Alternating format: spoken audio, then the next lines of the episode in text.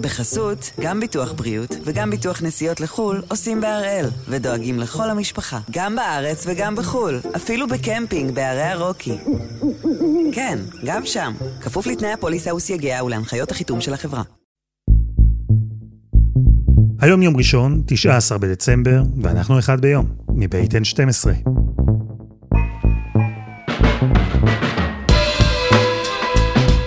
אני אלעד שמחיוף ואנחנו כאן כדי להבין טוב יותר מה קורה סביבנו, סיפור אחד ביום, כל יום.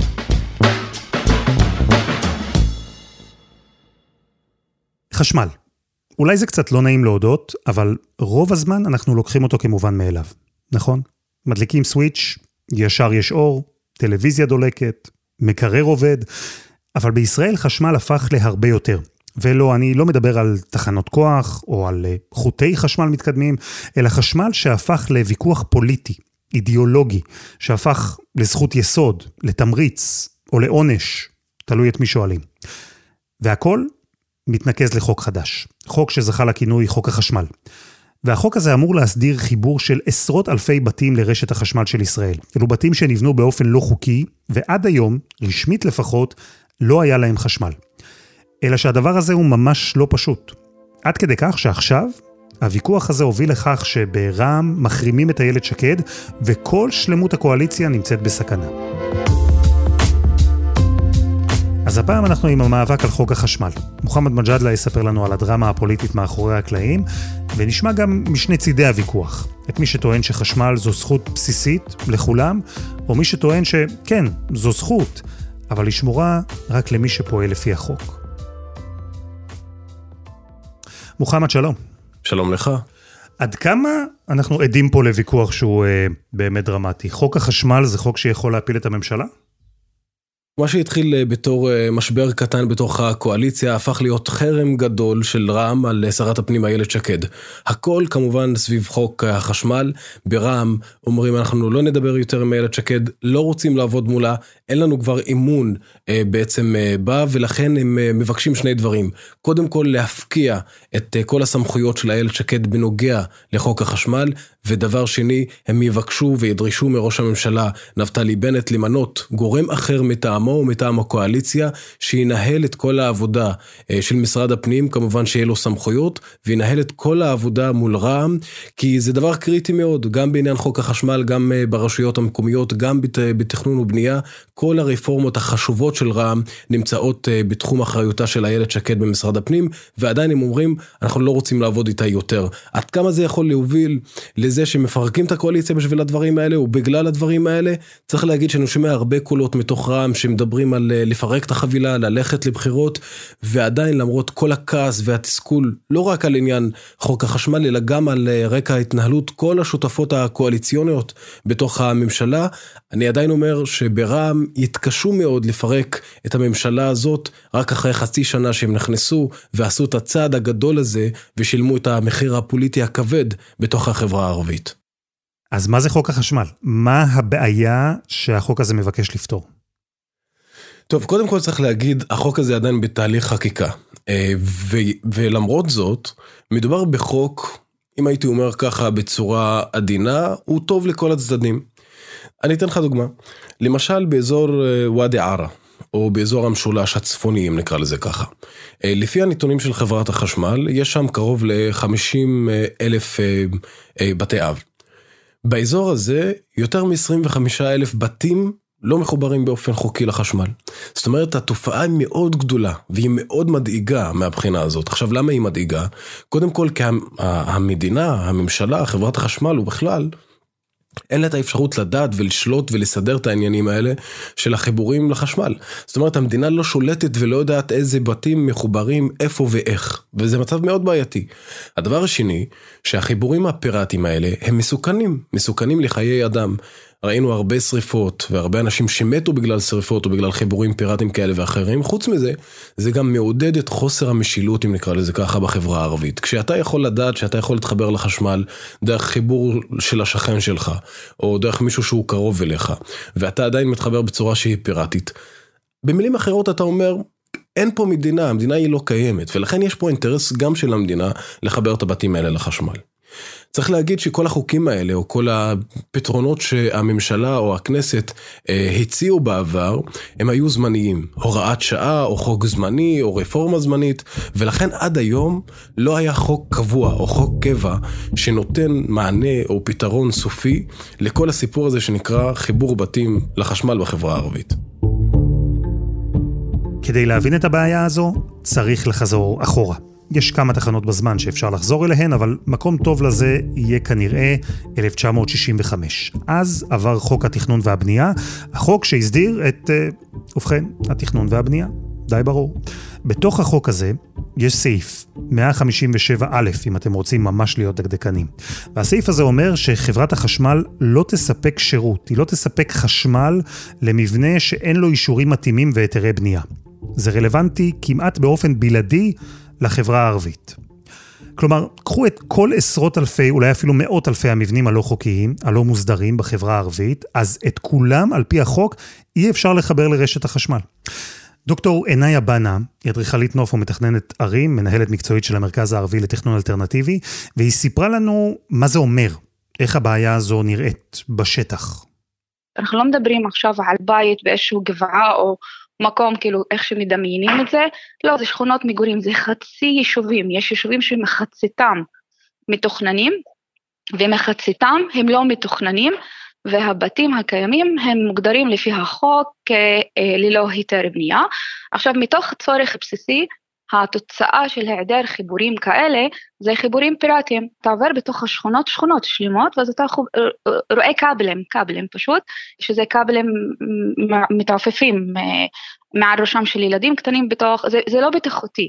זה לא בטיחותי, זה לא יעיל, זה גורם להרבה מצוקה, אם תחשוב גם בתוך חברה, בשכונה שלמה, זה גורם להרבה מצוקות חברתיות, אה, תשתיתיות, זה גם מעמיס על הרשות המקומית, על התושבים, במשך שנים נעשו כל מיני ניסיונות לטפל בעניין, לחבר את התושבים לרשת החשמל, לעשות את זה בצורה בטוחה, מוסדרת, מפוקחת. בשנות ה-80 וגם בשנות ה-90 היו הצעות ויוזמות שקידמו את הנושא, ובאמת היו בתים לא חוקיים שחוברו לחשמל. לא הרבה, אבל היו. ומה שקורה עכשיו קורה בגלל הקואליציה, המבנה הייחודי שלה. רע"מ בפנים. ובמסגרת המשא ומתן הקואליציוני הוסכם שיקודם חוק חשמל. חוק שיסדיר בצורה ברורה את החיבור לחשמל לאותם עשרות אלפי מבנים לא חוקיים. וכולם מסכימים שיש כאן בעיה, שצריך להסדיר בנייה וצריך לחבר לחשמל. השאלה, איך? כאן נכנס לתמונה ויכוח עקרוני, גם אידיאולוגי, מה זה חשמל? כי יש תפיסה למשל שחשמל זו זכות בסיסית, שצריך להפריד לגמרי בין חיבור לחשמל להיתרי בנייה.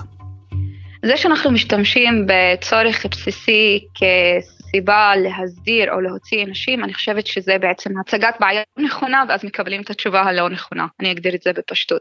אני חושבת שהנושא של הסדרה והנושא של לקבל רישוי בנייה זה נושאים שצריך, שהם צריכים להיות, וכולנו תומכים בזה, וגם החברה הערבית היא, אנחנו רוצים להגיע לשם, גם לא מתוך זה שאנחנו רק צריכים לסדר את הכבלים, כי אנחנו צריכים איכות חיים בתוך השכונות, אנחנו תומכים בזה עד הסוף, אבל להשתמש במנגנון יסוד, לקשור בין הנושאים, החשמל זה צורך בסיסי, זה כמו מים, כמו דברים מאוד בסיסיים, אנחנו צריכים את זה לאיכות חיים, לפיתוח כלכלי, לפיתוח חברתי, לפיתוח תרבותי לתוך היישובים, לסגור פערים בין החברה היהודית לחברה הערבית.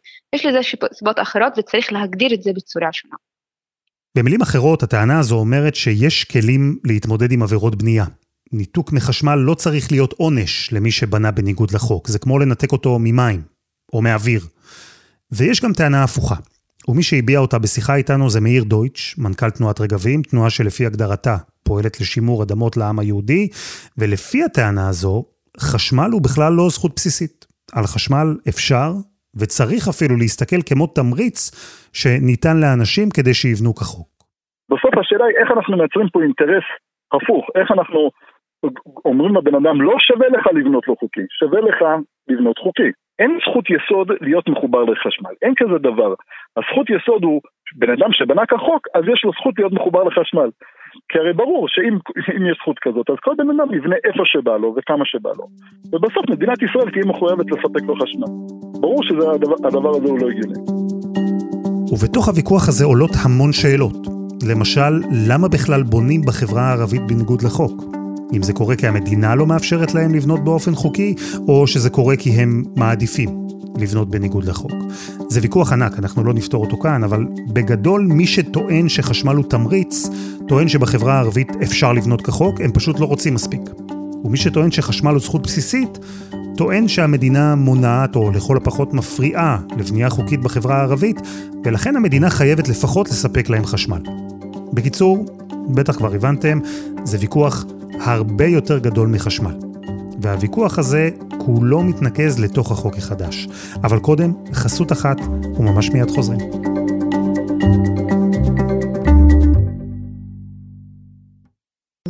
בחסות, גם ביטוח בריאות וגם ביטוח נסיעות לחו"ל עושים בהראל, ודואגים לכל המשפחה, גם בארץ וגם בחו"ל, אפילו בקמפינג בערי הרוקי. כן, גם שם, כפוף לתנאי הפוליסה וסייגיה ולהנחיות החיתום של החברה. אנחנו עם חוק החשמל החדש ועם המהומה שהוא הוביל אליה, קרב בתוך הקואליציה, חרם של רע"מ על איילת שקד, וסכנה אמיתית לשלומה של הממשלה. מוחמד מג'אדלה, המדינה רוצה לתת חשמל למבנים לא חוקיים, אבל היא רוצה שהסטטוס הזה, מבנה לא חוקי, יישאר זמני. היא רוצה לוודא שמבנה שיקבל חשמל יהפוך בסופו של דבר לחוקי, יוסדר. איך החוק מטפל בזה?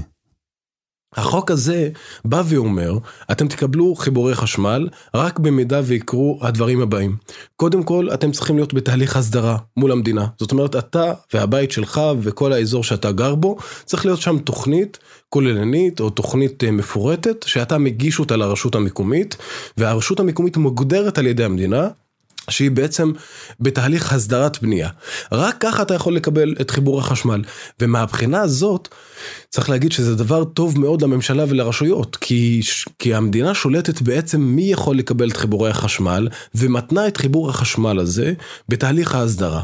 הדבר השני, לפי החוק הזה אומרים, אתם צריכים להפקיד כסף או פיקדון מסוים, כדי לוודא שאתם ממשיכים את התהליך הזה עד הסוף, לא מתחברים לחשמל באמצע ואז בורחים.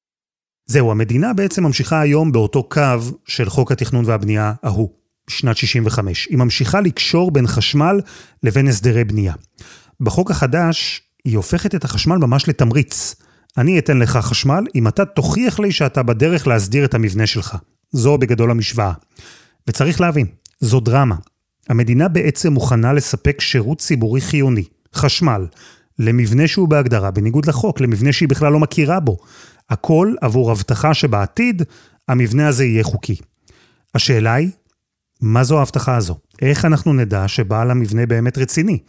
מספיק רק להגיש תוכנית, או שצריך לחכות שהמדינה גם תעבור על התוכנית ותאשר אותה? מי בכלל יכול להגיש כזו תוכנית? ויש מי שטוען, כמו בתנועת רגבים, שהחוק החדש הולך רחוק מדי, שהוא חייב להיות נוקשה יותר, שבעל המבנה צריך להיות כבר עמוק בתוך תהליך ההסדרה, כדי שבכלל נאמין לו שהוא רציני.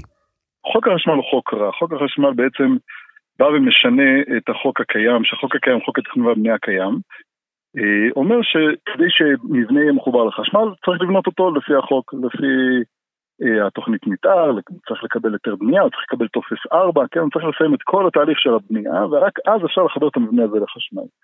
אה, אז בעצם החוק, החוק החדש אומר שמספיק שיש תוכנית מתאר, שמישהו הגיש אותה, וכבר יהיה אפשר לחבר את המבנה הזה, את המבנים שם אה, לחשמל, שזה מאוד מאוד שונה מהחוק הקיים ביום. ויש מי שטוען הפוך, שצריך להקל עוד. שנכון, החוק החדש מאפשר ליותר בתים לא חוקיים להתחבר לחשמל מאשר בעבר, אבל שאפשר לעשות אפילו יותר. יש היום הסכמה שצריך לפתור מצב, וצריך לפתור מצוקה. אני משתמשת במילה מצוקה, כי זה מצוקה. חוסר תשתיות זה מצוקה, וצריך לשים לזה סוף, ואז, ומתוך הבנה שזה עוד צעד, דרך אגב זה צעד, זה לא עכשיו יפתור את הכל.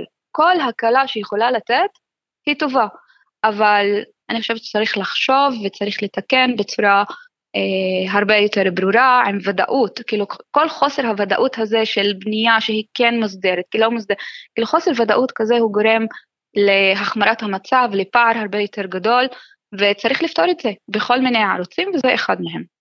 והוויכוח הזה, אם החוק הוא נוקשה מדי או מקל מדי, הוויכוח הזה יתנהל גם בממשלה. חברי רע"מ טענו שצריך להקל את הקריטריונים. ובזמן שאיילת שקד הייתה בחו"ל, הם הכניסו שינויים לתוך החוק. כשהיא חזרה, אז הצדדים דנו ביניהם, והגיעו להסכמות, וקידמו את החוק החדש בקריאה הראשונה. מוחמד, אז אם הצדדים מסכימים עכשיו על החוק, איפה בעצם מתחיל המשבר? המשבר האחרון הוא לא רק על עצם החוק, הוא לא רק על עצם ה, ה, ה, הפרטים בחוק, אלא בגלל הדאגה של רע"מ, אחרי מה ששמענו משרת הפנים איילת שקד בכנסת, כשאמרה ש... חיבורי החשמל לבתים בחברה הערבית יעלו הרבה כסף.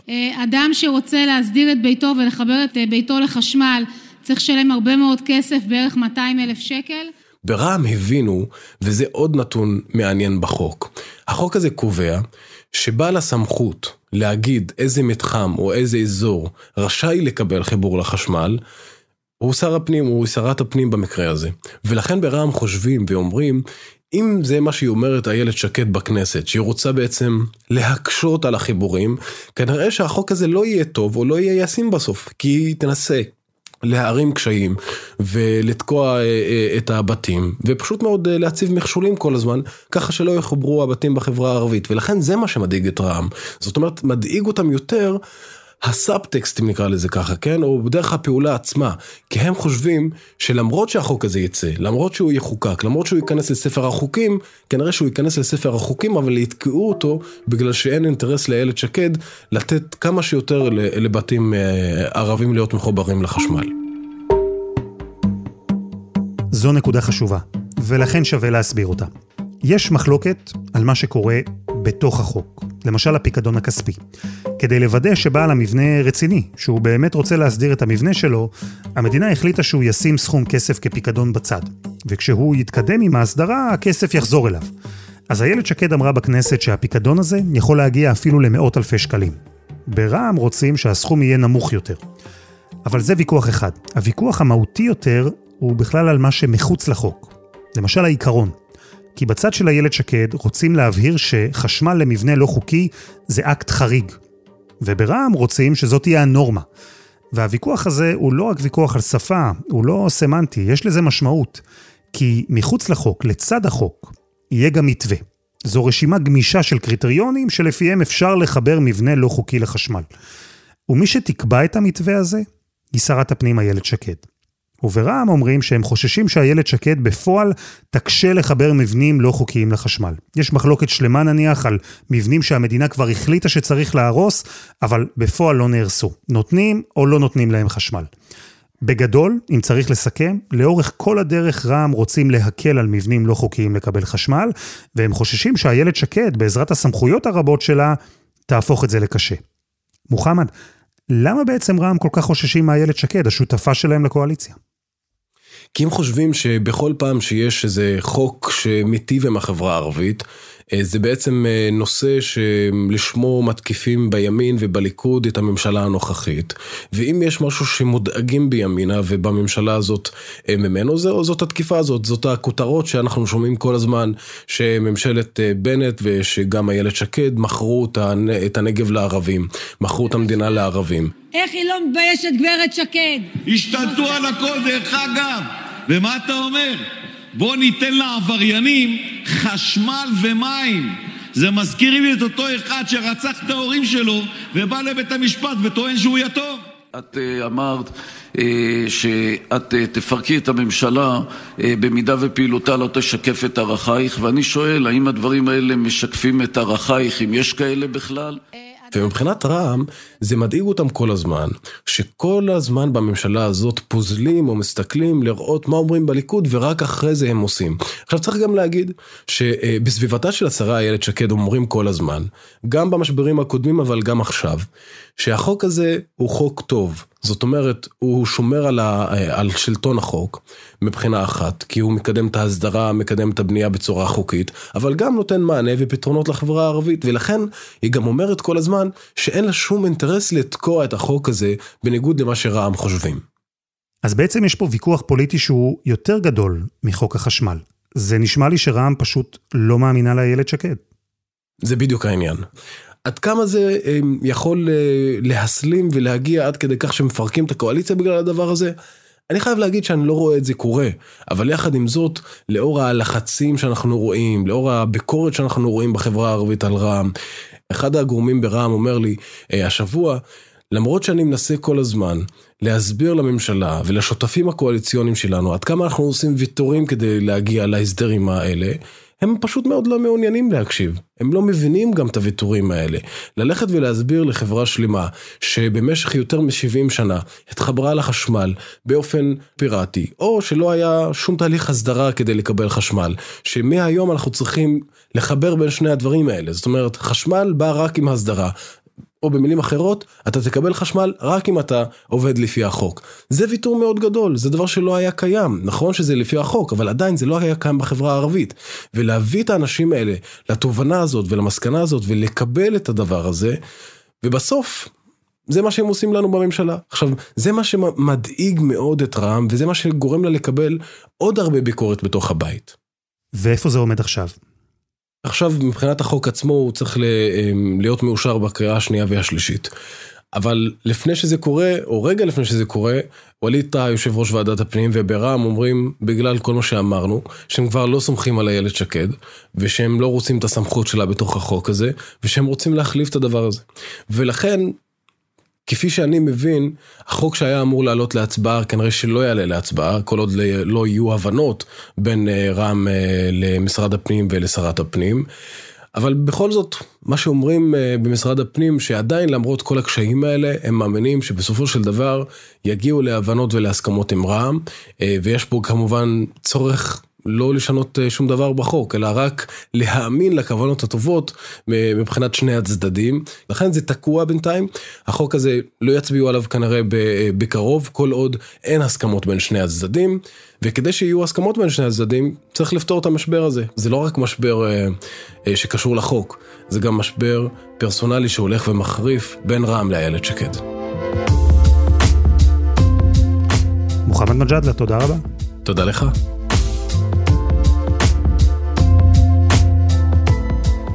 וזה היה אחד ביום, של N12.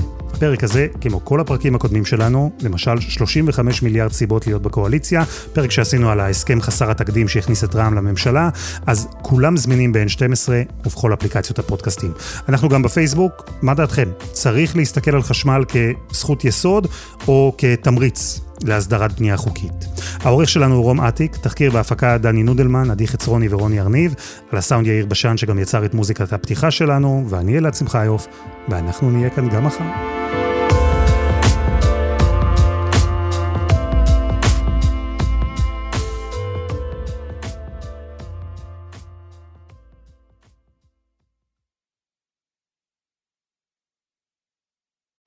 בחסות, גם ביטוח בריאות וגם ביטוח נסיעות לחו"ל עושים בהראל, ודואגים לכל המשפחה, גם בארץ וגם בחו"ל, אפילו בקמפינג בערי הרוקי.